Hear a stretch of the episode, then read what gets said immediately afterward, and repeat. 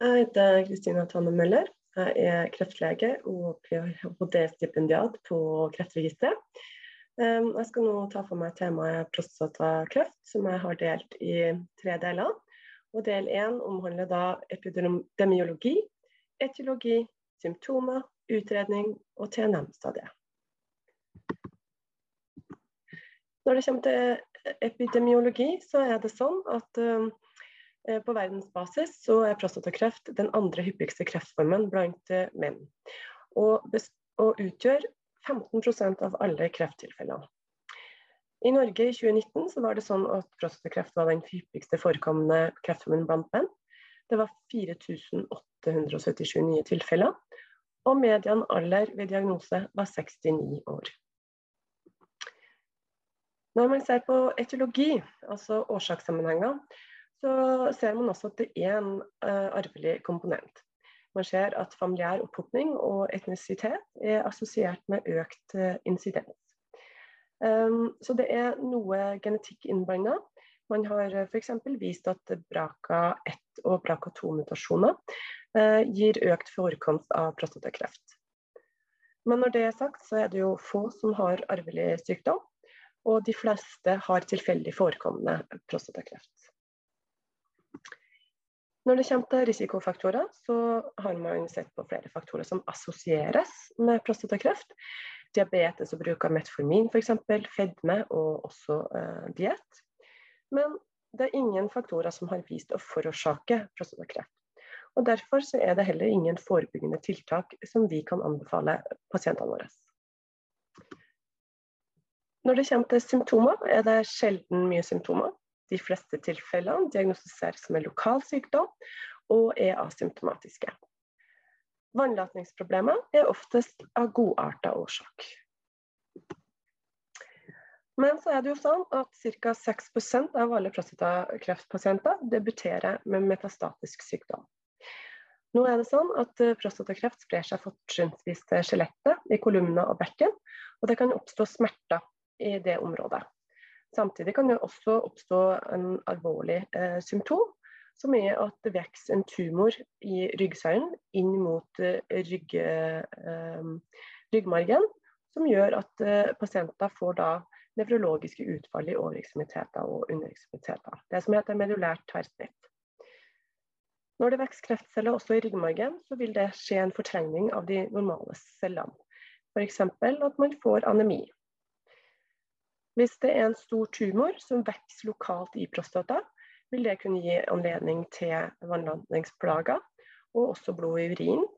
Og hvis den er så stor at den vokser opp mot eh, der hvor eh, urinlederne munner inn i eh, urinblæra, kan det også oppstå nyresvikt.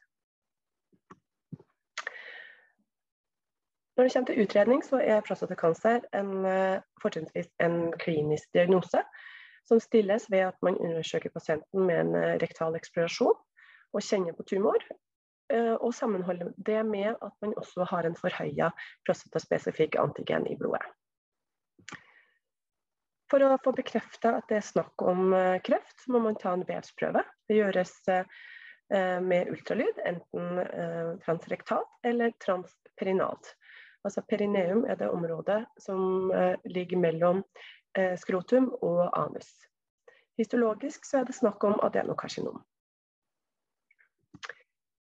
Man klassifiserer eh, kreftcellene histologisk eh, etter det som heter Gleason-grad. Eller en nyere klassifisering som er kommet inn, er ISUP, som er sagt i blå parentes her.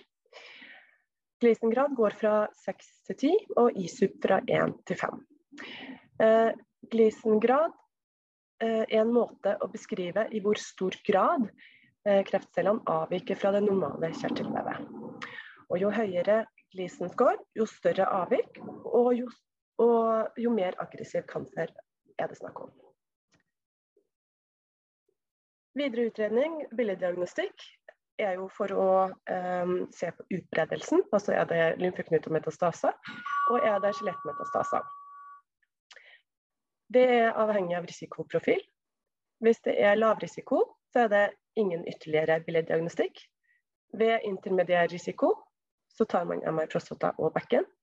Hvis det er høy risiko, så må man også screene for om det er skjelettmetastaser eller organmetastaser ved CT-MR eller PSMA-PET.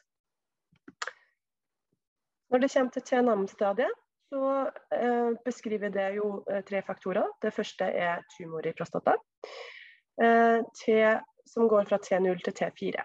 T0, da er det ingen tumor i prostata.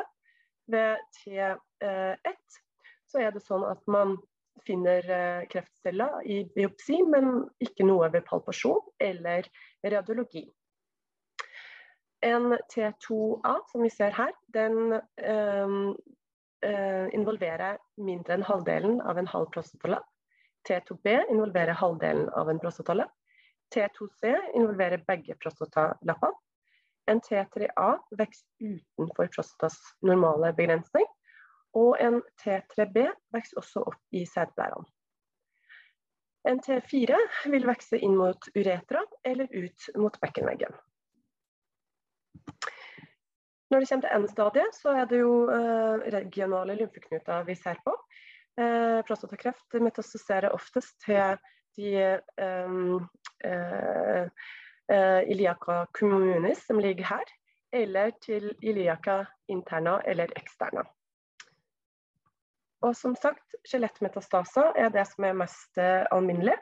Vi deler det inn etter om pasienter har M1A, altså uh, lymfeknutemetastaser utenom det lille bekken, eller M1B, skjelett, eller om de har til andre organer, altså f.eks. lever. Så oppsummert så er epidemiologisk er det den hyppigste kreftformen blant menn i Norge. Uh, når det kommer til etiologi, så er det noe arv, men det er mest tilfeldig, og ingen kjent årsaksfaktor. Eh, med hensyn til symptomer, så er det lokal sykdom, det er få symptomer. Utredning, der eh, gjør man rektal eksplorasjon og PSA-blodprøve, tar en vevsprøve, og avhengig av risikoprofil utfører man MRCT eller PET. Diagnosen er histologisk, der kikker man på Glisen eller ISUP-score. Og man stager ved hjelp av TNM. Og det var det jeg hadde for eh, del én.